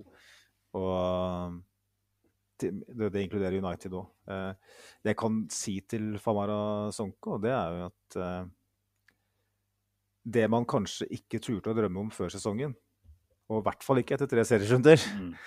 det er topp fire. Og det tror jeg kanskje at vi forsiktig, bitte litt forsiktig, skal kanskje kunne si at hvis alt klaffer, så er det kanskje en bitte liten mulighet. Ja, ja. Men altså, hvem andre enn United er det vi på en måte har sett på som umulig? da? Det er jo mm. det vi så for sesongen, at det er fire lag her som er for gode. Hvis mm. United fortsetter å være på det nivået her, da er det en åpning der. Mm. Hvis Westham er en kandidat, hvorfor skal ikke vi være det? Tenker jeg. Nei, det er absolutt uh, riktig å se det på den måten her. Og noe annet ville jo på en måte vært å være defensiv. Altså her er det potensielt en raskere vei tilbake til uh, det hellige landet enn det vi kanskje så for oss før sesongen. Eller helt åpenbart så for oss. Jeg var vel en av de som til tross for Solskjær tenkte at de var garantert en topp fireplass og, og, også egentlig en tittelkandidat. Mm. Men, eh, men, så lenge de holder, eh, holder eh, seg ved han, så Og nå er det ikke noe åpenbart uh, kjempeerstattere der ute som kan gå inn og snu den skuta rundt uh, på 1, 2, 3 heller, kanskje. Uh, mange ville nok gjort en bedre jobb enn han allikevel, det skal jo sies. Men jeg tror den veien er lang for, for Solskjær og, til å få sparken. Håper det er en mm. jinxing inne i bildet her for så vidt òg, så plutselig er han, er han ute. Men nei da, vi, vi kan drømme.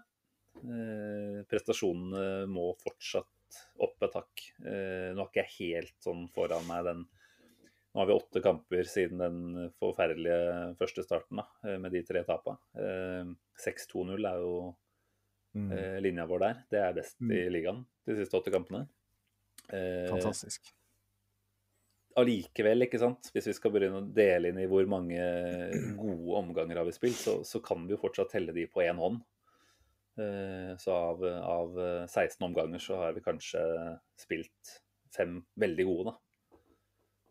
Det er fortsatt sånn at jeg tror det er eh, ja, litt for mange halvdårlige prestasjoner i det laget til at, eh, til at det er et eh, det er, ikke, det er ikke noe klar, åpenbar eh, greie at vi skal inn og være det fjerde beste laget, selv om ikke nødvendigvis United er det. Men selvfølgelig så må vi ha den innstillinga at nå er det en mulighet der.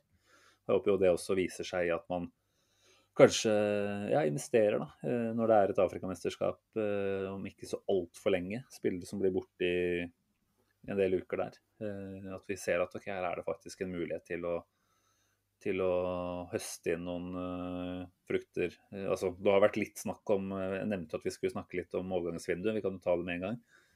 Dusan Vlaovic, Fiorentina-spissen, som vi har vært lenka litt til tidligere, ble jo nevnt nå i, i uka som har gått, at uh, Arsenal visstnok skal ha en, en avtale med eh, Fiorentina da, om, eh, om en overgangssum. Eller en måte å fasilitere den avtalen på, i hvert fall. Eh, Det snakkes om 8 millioner pund. Jeg vil faktisk han Gianluca Di Marcio, som jo har en forholdsvis god treffprosent, må man vel si, så kanskje særlig på italiensk fotball. da. Nå er det for så vidt en lang vei fram når man ikke nødvendigvis har noe avtale med spilleren selv. Men jeg tenker jo at hvis det er sånn at Arsenal er i en miks eh, for en topp fire, i hvert fall en topp fem-seks-posisjon, da, at man faktisk går ut og er så offensiv at man vurderer en sånn type spiller når Aubameyang blir lenge borte. Eh, Lacassette sannsynligvis ikke skal være lenger enn til sommeren. Det er jo det er spennende at man er såpass på, på the front foot. Eh, Josh Cronky lot seg intervjue nå igjen. Er ikke så eh, silent som eh, faren sin, det kan man jo absolutt ikke klandre ham for. Eh, Det er jo sånn at man begynner å tro at her er det faktisk noe som bygges, og, og som det faktisk har såpass mye oppmerksomhet rundt at det kan det kan være lov å håpe på en, en såpass stor stjerne innen inn porten i januar, selv om jeg har noe begrensa tro på det fortsatt. Det må jeg jo si. Hva tenker du om eh, ja, både Vlaovic Nå skal vel ikke noen av oss påberope oss å være Serie A-eksperter nødvendigvis, men eh, du får litt vann i munnen du også av det navnet der, gjør du ikke det?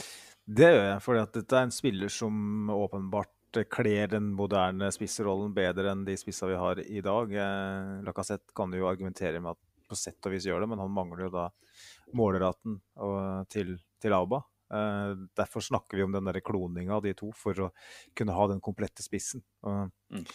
De som ser Serie A, sier jo at Blavic kanskje da er en sånn type. da. Eh, han er ung og har fortsatt en del uslepent ved spillet sitt, men fremdeles så bøtter han inn skåringer. Det er vel bare hva var det, Lewandowski Haaland en- til eller sånn som hadde flere skåringer i 2021 eller noe sånt i, topp fem-liga. Det var, en- Nå skal jeg Mm. uttale meg forsiktig, men det er noe jeg leste i forbifarten. Poenget er uansett at han skårer mye mål, samtidig som han har et allround-spill. Eh, han er åpenbart ettertrakta. Mm. Eh, så er spørsmålet da en Serie A. Uh, litt annet tempo, litt annen mm, Litt annen type liga. Jeg er litt usikker på om han skal bruke, svi av 80 millioner euro. Jeg tviler på at det er snakk om de summene, for at han har 18 måneder igjen av kontrakta si i januar. Så Arsenal kan jo på en måte gå til Fiorentina ja, det, etter, sol, etter alle solemerker så er jo det som har skjedd òg, hvis Di Marcio eh, har rett. Mm. Eh, så har jo Arsenal gode kort på hånda. De sier at vi kan jo si vi betaler eh, 40-50-60 nå i januar, da, i stedet for at dere mister den for 30 til, til sommeren. Mm. Eh, med ett år igjen av kontrakten og en spiller som ikke vil signere. Så får dere Torreira på kjøpet. Yes, det er kjempepoeng, ikke sant? For Torreira er der, og vi, kanskje kan vi få litt igjen for den spilleren som så så bra ut for eh, et par år tilbake. Eh, ja, det er, det, det, er det er veldig spennende. Mm. Vi trenger en ny spiss. Mm. Uh, jeg ville jo helt definitivt prioritert midtbanen i januar, da, hvis, uh, hvis det var slik at vi skulle gjøre noe. Men uh, Så er det en gang sånn da, at hvis man kan fremskynde sommeraktiviteten til januar, og det på en måte ikke har noen sånn økonomisk betydning, så hvorfor ikke gjøre det? Mm. Hvorfor ikke hente både spiss og midtbanespiller, da? Men det er klart Man skal ikke hente noen som som man bare sånn halvveis har lyst på, fordi at man liksom skal dekke et hull i en måned. Mm. Eh, såpass smart håper jeg Arsenal har blitt etter mange års eh, eh, drift eh, av klubb, eh, type fulle sjømenn. At vi, vi, at vi ikke tar sånne type avgjørelser. Eh, at det kanskje kommer inn en midtbanespiller på lån da, i tillegg. Eh, så har man dekka de to hulla Mm. eh, på en fin måte. Men eh, Kim Kjellstrøm er fortsatt aktiv, er han ikke det? det er jo Dani Ceballos, da, hvis du snakker Ja, er tidligere lånesoldater. Er blitt linka til klubben nå, eh, på et halvt års lån. Han spiller vel ikke i all verdens i Real Madrid. Så Har vel vært skada, da. Det skal sies. Han har slitt med en del skader der nede, tror jeg. Men, Ja. eh, men det er jo for så vidt eh, kanskje ikke noe vi tenker at ah, det er det vi trenger, men det er jo logisk med tanke på at han kjenner klubben, han kjenner manageren. Han mm. uh, kunne kommet inn og gjort en sånn type jobb, da. I hvert fall dekka opp. La oss si da at Maitland Niles altså, blir den man eh, bruker mer hvis partiet er borte, eller når partiet er borte. Og så er det såpass tynt bak, da. Så kommer Sebajos inn og, og rett og slett fyller opp eh, plass nummer 14-15 i troppen. da. Det, Mm. det kan for så vidt gi mening, det. ja, jeg syns det. Jeg syns ikke vi skal avfeie det som noe dumt. Eh, Så jeg er helt enig i det. Mm. Neida, men vi, vi må jo si at eh, selv om vi fortsatt kan tillate oss å være litt grann, eh, avventende når det kommer til Arsenal og, og det som skjer på overgangsmarkedet, så har det jo vært et veldig positivt sommervindu. Og det er jo ikke noe tvil om at uh, klubbledelsen også har fått med seg at uh, her hylles vi egentlig, bortsett fra hos Gary Neville, da, som fortsatt ikke skjønner hva strategien er. Men, uh, men utover det så, så har det jo bare vært altså fansen tilbakemelding på disse typene vi har henta. De, det kan jo at det skaper litt ekstra godfølelsen hos eh, de som sitter på toppen. det også. Tenker at dette her er gøy. Nå La oss fortsette å hente den type spillere. Hvor det er eh, masse kvalitet og også mye framtid. Så Mm. jeg tenker igjen at 80, som du sier, det, det høres ut som litt for mange millioner pund eh, i forhold til hva man kan si at man garantert får. da. Altså Nå skal vi for så vidt si at eh, Chelsea punga ut med i hvert fall 100 vel for Lukaku. Men han har jo prestert andre steder enn Serie A også. Så Men du kan jo også argumentere for at han først og fremst har prestert i Serie A de siste åra. Ja. Eh, og man har jo allerede sett tegn til at, eh, at Premier League igjen byr på en utfordring som kan bli tøff å takle for, for Lukaku. Eh, man skal være forsiktig med å melde det. Eh, han var god mot oss, mm, ja, ja. men eh, jeg tror fortsatt at, at det han presterte i Inter, ikke er representativt for det han, vi kan forvente i Premier League. Nei. Og, enig i det.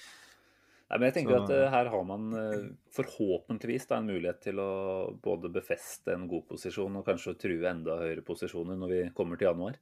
Man ser at eh, det er veldig gode muligheter for å spille Europa igjen. Om det blir Europa League eller til og med Champions League, så er det jo altså, det er forskjellige summer å hente der. Men, men selv Europa League vil jo gi en del titalls millioner pund eh, totalt sett i inntekter. eh, så, så det er klart at en investering, en sånn ordentlig investering på, på spiller, det, det kan jo kjapt betale seg tilbake, da.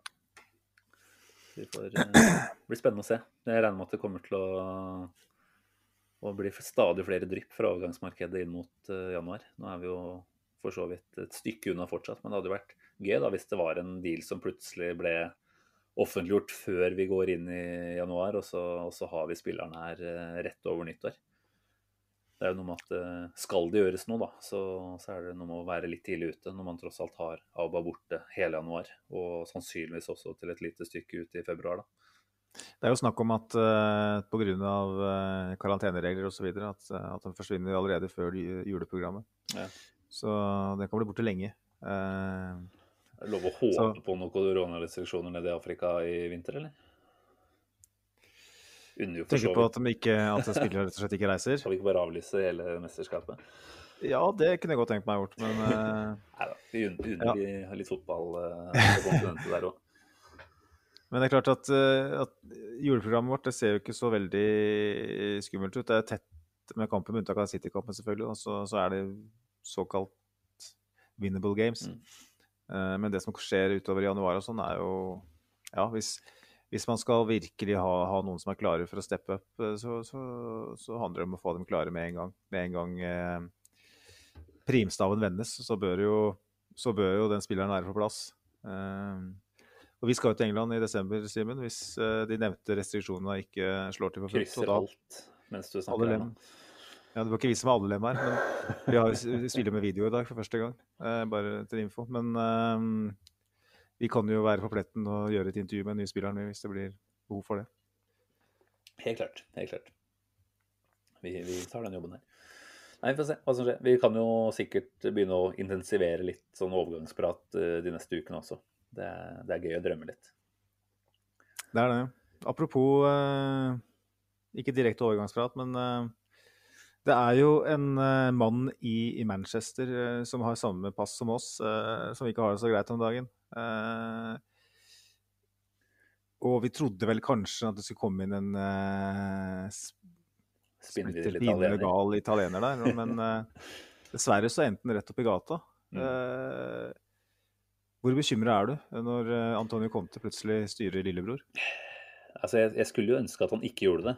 Det er jeg absolutt uh, tydelig på. Men, uh, men der du er veldig ja, redd, da, har jeg inntrykk av, for at dette her uh, potensielt kan forringe våre muligheter litt, sånn tabellmessig til slutt, så, så ser jeg absolutt at han vil kunne komme inn og gjøre de bedre. Men et eller annet som allikevel føles som om den Altså, jeg tror ikke han har kontroll på samme måte som han har i disse andre klubbene han har tatt over. Det er første gang noensinne at Conte tar over en klubb eh, i sesong. Eh, hvor kjapt kommer han til å, å snu på ting? Eh, selvfølgelig så er det en Tottenham-stall som på mange måter kanskje fungerer bedre med en trebekslinje med, med offensive vingbekker. Eh, både Regilon og Royal er vel eh, typiske wingback-typer, egentlig.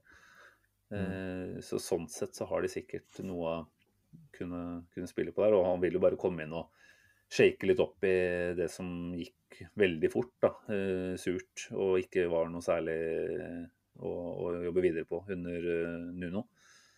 Men jeg, jeg tenkte fortsatt at den Tottenham-stallen der har noen begrensninger, altså. Som gjør at jeg velger å på en måte ha fokuset mitt på at Arsenal bør kunne utvikle seg og bli så gode at de allikevel skal på en måte tåle den eh, ja, økte styrken som Tottenham nå vil, vil kunne få. Eh, han har vel fått en 18 måneders kontrakt. Eh, vi vet jo at han er en mann som ofte er eh, ganske ja, slitasje ja, Han ødelegger for så vidt eh, mye i de klubbene han kommer til eh, over kort tid. da, Krever mye av eh, de rundt seg. Så jeg, jeg, jeg tenker at som andre har vært inne på tidligere, Tottenham vil alltid være Tottenham. Og le på en måte litt på at det her kan på et eller annet vis ikke bli bra uansett. Jeg tror Jeg er villig til å sette penger på at Tottenham ikke kommer over Arsenal på tabellen. Oi. Og dermed ble Simen den mest populære aktøren i Arsenal Station, iallfall. Uh, den derre uh, Kall det regelen som folk refererer, refererer til, at Tottenham vil alltid være Tottenham, som du nevner her. og Det, det, det, stemmer jo. Det Tottenham kommer ikke vinne, kommer ikke til å vinne ligaen. Selvfølgelig vinner de ikke ligaen. Rekker ikke å bygge et lag som, som utfordrer City og Chelsea og Liverpool. Men at Tottenham under Conte eh, kan gjøre livet vanskelig for oss på kort sikt, det, det tror jeg definitivt. Jeg tror de som sier at ja, men Mourinho klarte ikke å få noe ut av Tottenham. Men Mourinho eh, anno 2020, rundt 2021, kontra den Antonio Conte som kom inn, det er to Mm. ganske forskjellige ting. Mourinho har vært ferdig lenge. Uh, synes, det, det er jeg ganske sikker på eh, at vi kan si med en viss grad av sikkerhet. Mm. Og Conte han kommer rett fra en, en jobb i Inter som var vanvittig uh, imponerende. Han har, han har en evne til å løfte en, uh, laget eh, og de rundt seg veldig kjapt. Det har han vist. Nå har han selvfølgelig ikke preseason, og det, det skal tas med i, i beregningen. Men han tar en Tottenham-stall som ble litt vanstyrt. Iallfall siden Porcetino var der, kanskje før det òg. For det var jo gnisninger mellom eh, de som styrer klubben fra oven, og, og Porcetino, som ønska å fornye. ikke sant? Eh, Nå kommer Conte inn. Han hadde ikke kommet inn der uten visse lovnader. Han kommer til å få de spillerne som er der, altså type eh, si Ndombele, Lo Celso, spillere som har prestert, kanskje Dele Alli til og med, som har prestert på et nivå som bare er så langt unna det de kan. Mm. At hvis han klarer å gjøre noe tilsvarende det som han gjorde med Lukaku, som han gjorde med Victor Moses, for å ta eksempel, så han Conte Er det én manager jeg er bekymra for kan gjøre Tottenham til en ikke tittelutfordrer, men til en klubb som er uh, iallfall topp fire-utfordrer, så er det Conte. Eh, for at han, han er på en måte the antidote på mange måter. Han er remedien for en klubb som Tottenham, som er gjennomsyra tapermentalitet. Eh, Der kommer den største vinneren eh, du kan tenke deg. Mm. Eh, kommer til å lykkes, det vet jeg. Et av faen. Men jeg er, jeg er bekymra. Det, det må jeg være såpass ærlig å si. Ja. Jeg, jeg må bare si at jeg skjønner virkelig ikke hvorfor han har valgt å ta den jobben her. Nei, det er jo helt idiotisk. Altså, og der på en måte lurer jeg allerede på, vitner det om at han er Altså Jeg skjønner jo at han har den connection til hva han heter, Paratici eller et eller annet sånt, han som har jobba sammen med Juventus. Og de, de gjorde mye bra der. Eh, har sikkert fått som du sier, noen lovnader fra Livi om at eh, det skal visse midler til eh, kjøp og, og innhenting av spillere. I den grad altså Tottenham vil jo alltid være attraktiv med tanke på beliggenhet og fasiliteter og sånt, selv om ikke de nødvendigvis er helt oppe og nikker på tabellen og sånn sett nå. Men jeg, jeg skjønner virkelig ikke helt hvorfor han har tatt på seg den oppgaven her, da. Jeg føler at med tanke på det ryktet du på en måte henstiller til nå, han har et rykte som, som en vinner. Nå kommer han til en klubb som for så vidt eh, kan vinne kamper, men de har aldri vunnet titler. Eh, jeg tenker at allerede der da, så er vi en liksom, Hva er det du driver med her, Conte? Har du blitt lurt inn i noe som du ikke skjønner at du burde holde deg unna? Ja, det, det, det er vel rett og slett fordi at det per nå ikke eksisterer en annen Eller, eller en toppjobb da, eh, foran. Altså, det er tydelig at United ikke er interessert. Det, er sånn jeg har forstått det, så er ikke United interessert selv om Solskjær skulle få fyken heller. De har vel bestemt seg for at den type manager skal ikke inn i en organisasjon. Mm. Det er slutt på den type quick fix. Tottenham er jo inne i en sånn kjede av quick fixes nå, som vi var. Mm. Eh, Ja, du så selv om vi egentlig hadde eh, bare én manager. Så, ja, ja, du så den der at de hadde vel Det var noen som skrev det. at De hadde egentlig fire managere som er på kontrakt i 2023. Eh, Ja, det er jo det, er, det sier jo alt da, om, eh, om måten det, det drives på der. Men vi, vi, for veldig kort tid tilbake så var vi, var vi og en klubb som på en måte prøvde å, å, å få det siste ut av noen etablerte stjerner. altså det Signering av William. Nå har jeg nevnt William igjen i en ny podkast. Da har vi nevnt den i alle så langt, i alle 62 episoder. Eh, den treårskontrakten til Aubameyang, Cedric Suárez, uh, Mesut Özil som fikk ny kontrakt, signering av Mkhitaryan, Alexis Sanchez som ikke ble solgt på det tidspunktet. Det er så mange eksempler på en klubb som bare tenker at vi skal liksom tyne ut de siste dråpene av denne sitronen her, for at de skal tilbake i Champions League. Så får vi ta rebuilden når vi kommer dit, på en måte. Mm. Arsenal har nå stikket fingeren i jorda en gang for alle og sagt at vi klarer ikke det. Vi er nødt til å begynne på nytt. Vi er nødt, på, nødt til å ta en reboot. Dit kommer Tottenham òg, etter Conte. Eh, Det kommer til å ende i tårer. Det kommer til å, Kanskje klarer de å komme seg til Champions League. da. Jeg spår det i løpet av Conte sin eh, regjeringstid, at de kommer til å spille Champions League. Mm. Men jeg tror, når Conte drar, så sitter de igjen med en 33 år gammel Kane som ikke har vunnet en dritt. eh, som helst vil spille for en klubb i Saudi-Arabia eller et eller annet. Eller i Qatar eller USA. Som bare vil bort fra, fra Tottenham. For uansett, han er villig til å komme til, eh, til Mjøndalen for å spille. Hvis det er det som skal bare komme seg bort fra dette jævla Tottenham. Bare han kan vinne et trofé i livet sitt, så er vel han happy. Så da drar han Nettopp. til ja, Qatar eller noe sånt. da. Så det, ender, det kommer til å ende i tårer. Slapp av, alle som bekymrer seg. Men det kan bli litt slitsomt i mellomtida. Mm. Eh, Det tror jeg. Og han kan stå litt i veien for, for en eventuell Champions League-deltakelse for oss. Og det er jo det vi først og fremst må, må tenke litt på.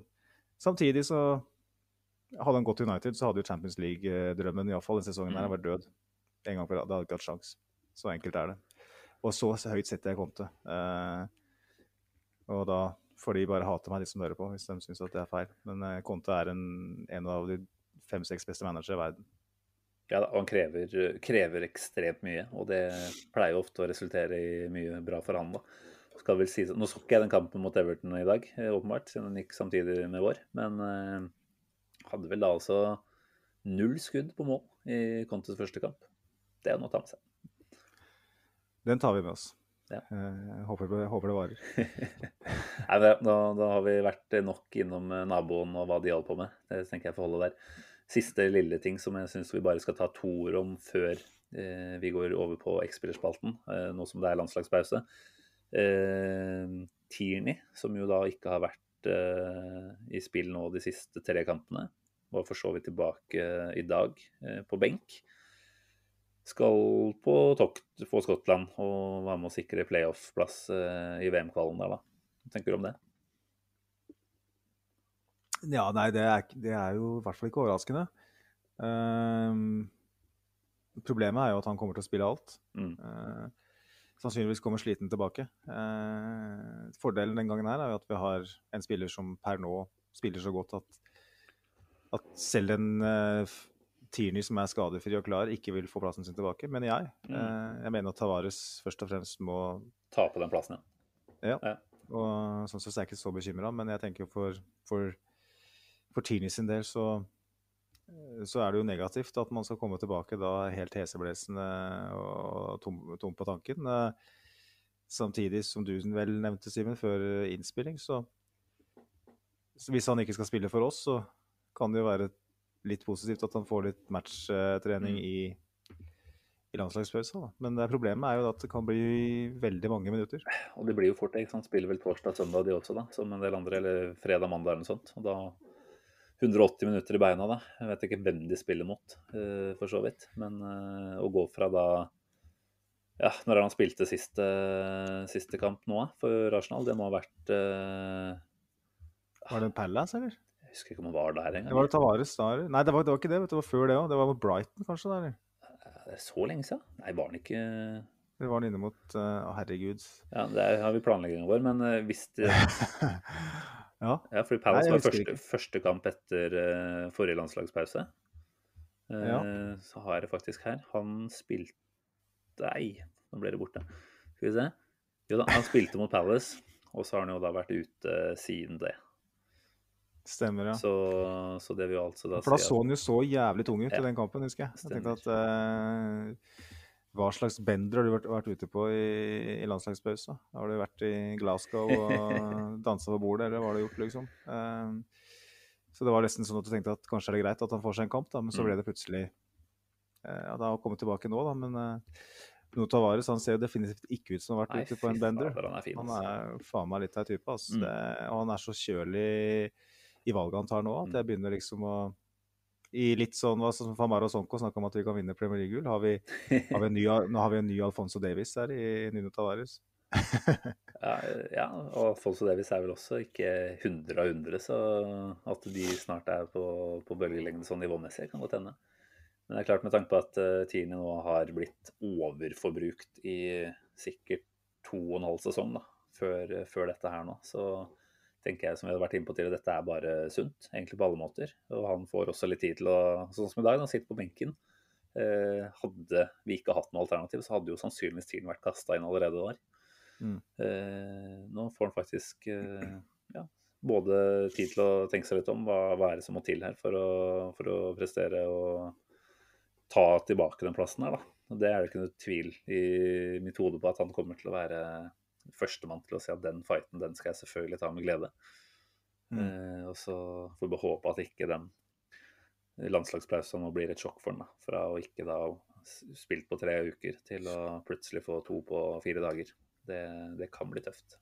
Men da, da er det jo altså over en måned da, fra den Palace-kampen som han spilte sist, til Liverpool. Jeg tror ikke han spiller Liverpool uansett, så fremt ikke Nuno Tavares kommer skadd tilbake fra det er vel U21-samling eller sånt her i Portugal. Mm. Så, så at det er helt greit sånn sett at Tierney får noen minutter i beina, det, det er det. Men litt for mange kan det vel fort bli. Så vi får se hva det blir i landslagspausa. Vi har jo også noe spennende sånn sett som eh, nordmenn å følge med på. Selv om det jo kan diskuteres om vi egentlig ønsker at uh, dette mesterskapet i Qatar i det hele tatt skal spilles, og om Norge hadde endt opp med å boikotte. Nå er det vel ingenting som tyder på at det ville skjedd. Uh, så, så det blir spennende å se hva Ødegaard og co. kan få til i to kamper nå også. Om det blir tur, eller om det i hvert fall blir playoff, da. Yes. Da, for å holde, Og så er det bare for min del da, å lene seg tilbake og nyte det som er i vente. Kjør X-spiller. Året er 1997. Det er sommer og sol, og Arsen Wenger skal endelig få muligheten til å sette sitt tydelige preg på Arsenal. Ut forsvinner erkebritiske trøbbelmagneter som Paul Merson og nattelivsfrekventerende egoer som Glenn Helder. Inn portene kommer mer sofistikerte, seriøse typer fra kontinentet. Overmars, Petit, Remi Gard og Louis Boamorte, for å nevne noen. En kulturendring var så smått i gang, og nå gikk den franske professoren all in.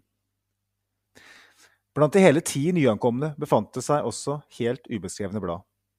Unge spillere som skulle bidra med ungt pågangsmot og kamp om plassene. Litt sånn som vi ser i dag under Miquel Arteta. Også denne sommeren ble det henta inn en sisteskanse som fikk forstå seg på året til å heve på brynene. En aldrende John Lukic var ikke lenger ansett som et fullgodt alternativ til det soleklare førstevalget, David Seaman. Sistnevnte var en særdeles pålitelig burvokter, men hadde også en tendens til å pådra seg noen merkelige skader. De fleste ulykker hender i hjemmet, heter det. Og David Seaman bidro sterkt til å fyre opp under den myten da han røk korsbåndet i kneet idet han skulle ta opp en episode av sin favorittsåpeopera. Den stilsikre borteværeren pådro seg nemlig en stygg vridning da han skulle fiske opp fjernkontrollen fra TV-benken. Det var den glamour-episoden, si. Kanskje ante dagens X-piller at hans klumsete overmann ville servere ham en sjanse. Den 20 år gamle nyervervelsen skulle få sin sjanse allerede på vårparten i 1998. Et gulljagende Arsenal fikk en kjepp dryla inn i ekene da Simen knakk fingeren i en kamp mot Coventry. Den porunge østerrikeren ble nå kasta til løvene og skulle patruljere foran garnet, mens klubben forsøkte å tette ei luke på elleve poeng opp til serieleder Manchester United. Og det kunne ikke gått bedre for Arsenal og dagens X-spiller. Etter seks spilte kamper var fasiten 16 poeng og ubeseiret. Etter seks kamper i buret hadde den levende veggen fortsatt til gode å slippe inn et eneste mål. Etter seks fattige kamper var mange overbevist om at Arsenal hadde funnet sin langsiktige Simen-erstatter. Unggutten ble kåra til månedens spiller i Premier League for mars måned, og er dermed kun en av syv keepere som har mottatt denne utmerkelsen. Han var så imponerende mellom stengene at det hersket stor usikkerhet rundt hvorvidt Simen faktisk ville få tilbake plassen sin i laget. Men de gamle er eldst. Etter flere uker med ergometersykling og såpeoperasluking ble den engelske landslagskeeperen reinstallert mellom stengene. Månens spiller måtte dermed tre ut av rampelyset og vente på neste uhell i Simen-hjemmet. Men den østerrikske keeperkometen hadde allerede rukket å oppnå ikonstatus. Innsatsen hans sørga for at Arsenals gjerrige gulltog dundra videre. Laget, som ble avskrevet før jul, gikk 18 kamper uten å lide nederlag. Laget, som ingen levnet et håp, vant ti kamper på rad og holdt nullen i 12 av de 14 kampene som leda opp til hjemmekampen mot Everton. Kampen da Arsenal gjenerobra tronen i engelsk fotball med en legendarisk 4-0-seier hvor kaptein Tony Adams satte kronen på verket med et sugende bakromsløp og en ditto glamorøs avslutning. Would you believe it? Og would you believe at den 20 år gamle reservekeeperen skulle spille en så avgjørende rolle? Det var han som sto skjebnekampen på Old Trafford da Overmars vippa gullpendelen i retningen N5. Det var han som mesterlig redda Eyal Berkovic forsøk i straffekonken på Upton Park og sendte Arsenal til semifinalen i FA-cupen. Det var for øvrig en kamp hvor Arsenal måtte spille med ti mann i en drøy time da Berkan ble utvist for en albue på Steve Lomas. Den unge sisteskansen beskytta buret som en ørn beskytter et rede. Vingene dekket hver millimeter av garnet, og nærmest på egen hånd holdt han drømmen om the double i live. Og dobbel, det ble det. Da Premier League-medaljene skulle deles ut, hadde keeperhelten tre kamper for lite til å kvalifisere for medalje. Men hans ekstraordinære innsats sørga for at klubben fikk dispensasjon til å gi ham gullmedalje likevel. Det sier det meste om nivået han viste. At dette skulle være klimakset i hans Arsenal-karriere, var det få som forutså. David Seaman, kanskje inspirert av sin yngre rival, fortsatte å prestere på sedvanlig høyt nivå. Den usannsynlige helten fra 1998 ble dermed henvist til en tilværelse som benkesliter.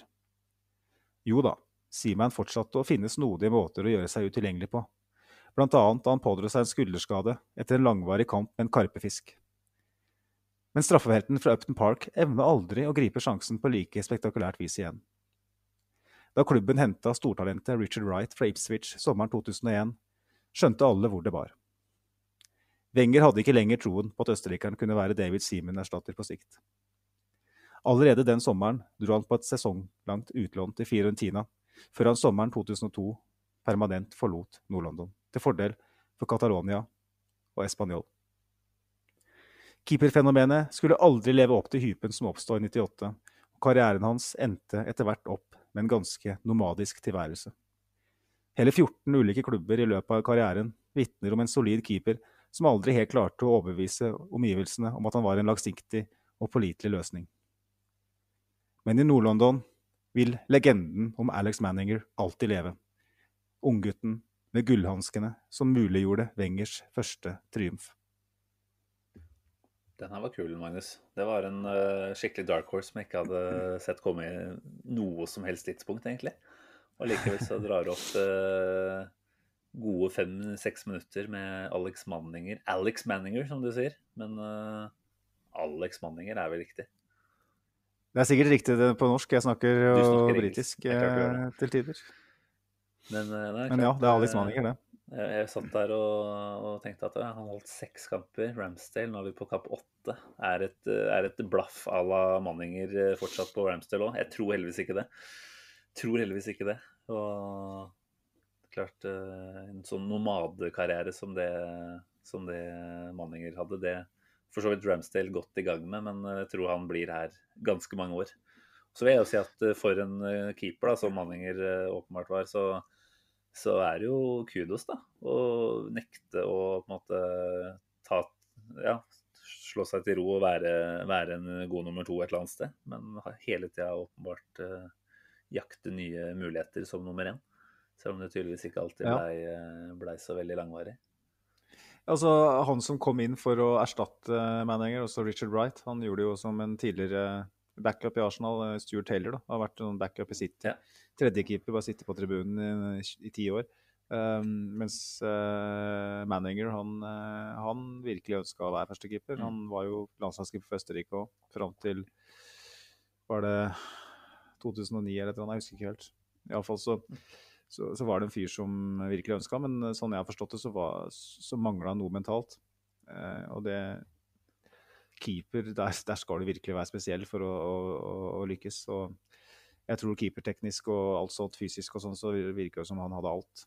Han, var, han hadde alle ingredienser for mm. den, den tidsalderens keeper. Eh, trekker paralleller til Ramsdale, så, så, så, tenker jeg først og fremst at Ramsdale viser at han, han har den mentaliteten.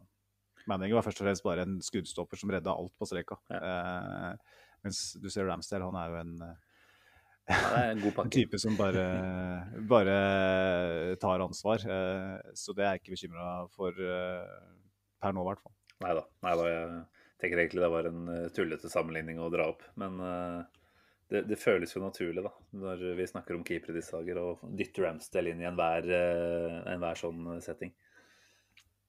Men ja, når var det han la opp han kameraten her? Sa du 2009?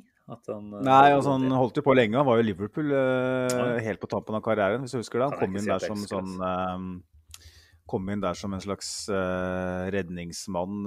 Ikke, ikke, at han spilte, men han kom inn der for å make up the numbers, som han sier. Mm. Sånn, jeg lurer på om det var 2018 eller noe sånt ja, han la opp. jeg må være helt ærlig og si at den, den Liverpool-biten her, den husker jeg ikke.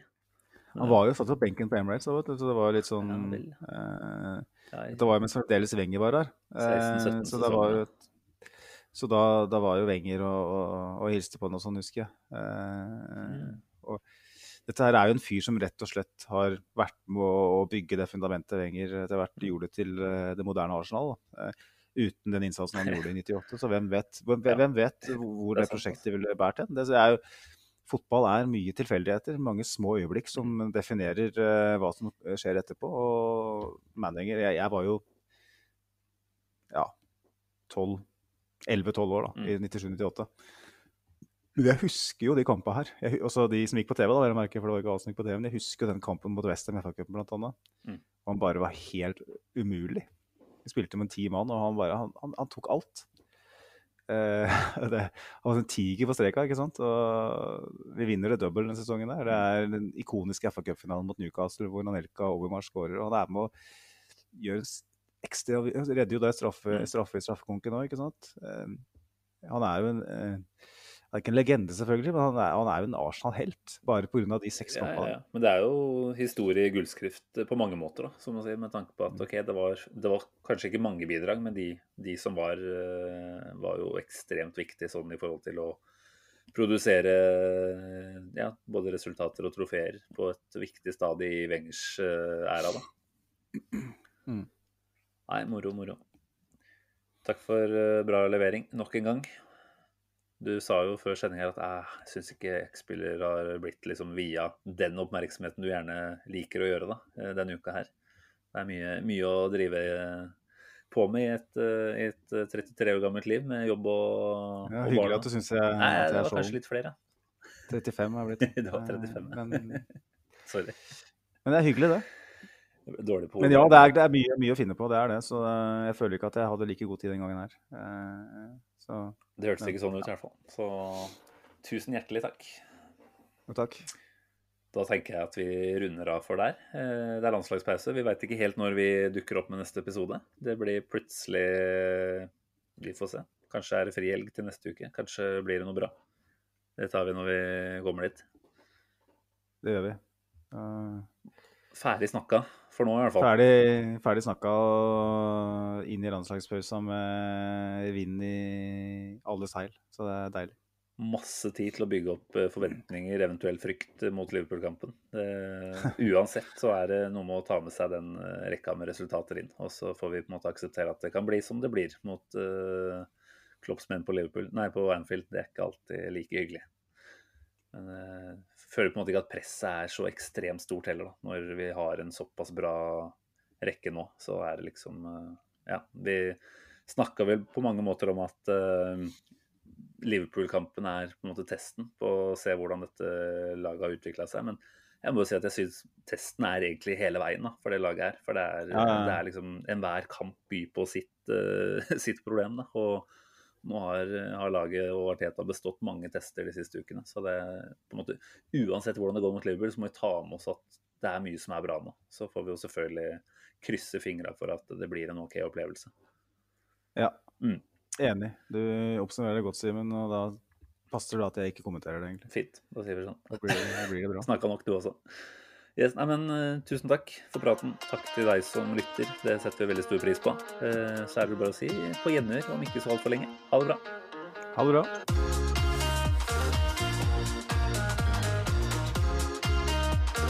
This train terminates here.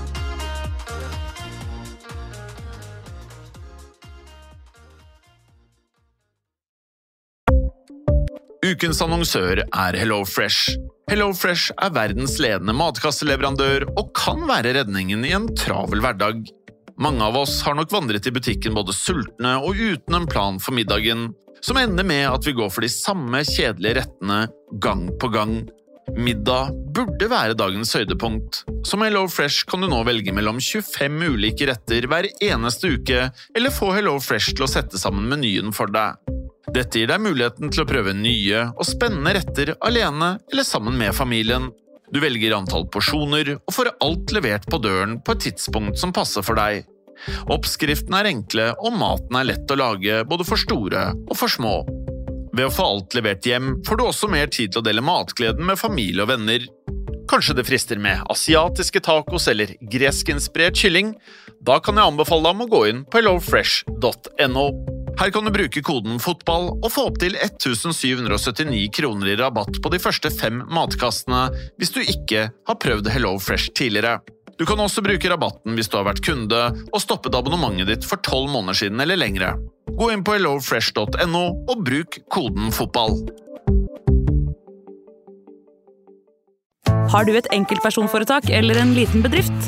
Da er du sikkert lei av å høre meg snakke om hvor enkelt det er med kvitteringer og bilag i fiken, så vi eh, gir oss her, vi.